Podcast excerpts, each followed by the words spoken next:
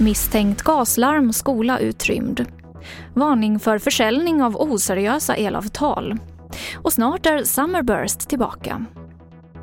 TV4-nyheterna börjar med att vi nyss fick in uppgifter om att en skola i Falköping har utrymts efter ett misstänkt gaslarm.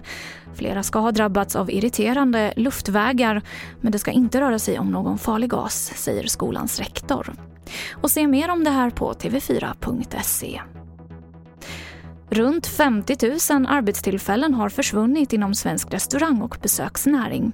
Det här visar en ny rapport som branschorganisationen Visita presenterar idag. Framförallt är det ju en stor skillnad på stad och land. Ju större stad desto större är tappet. Eh, mycket besöksanledningar har varit stängda. I storstäderna är affärsresandet borta. Eh, också de utländska turisterna så det är klart det är en stor skillnad där. Det sa Jonas Siljehammar som är VD på Visita.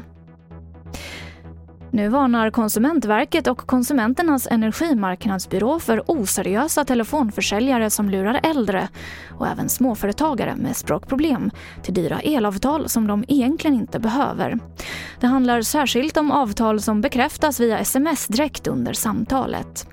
Vi hör Thomas Björkström som är VD på Konsumenternas energimarknadsbyrå. Det är ju extremt förkastligt. Eh, jag tycker det är bara att lägga, lägga av eh, för de företag som håller på så. De, de måste skärpa sig.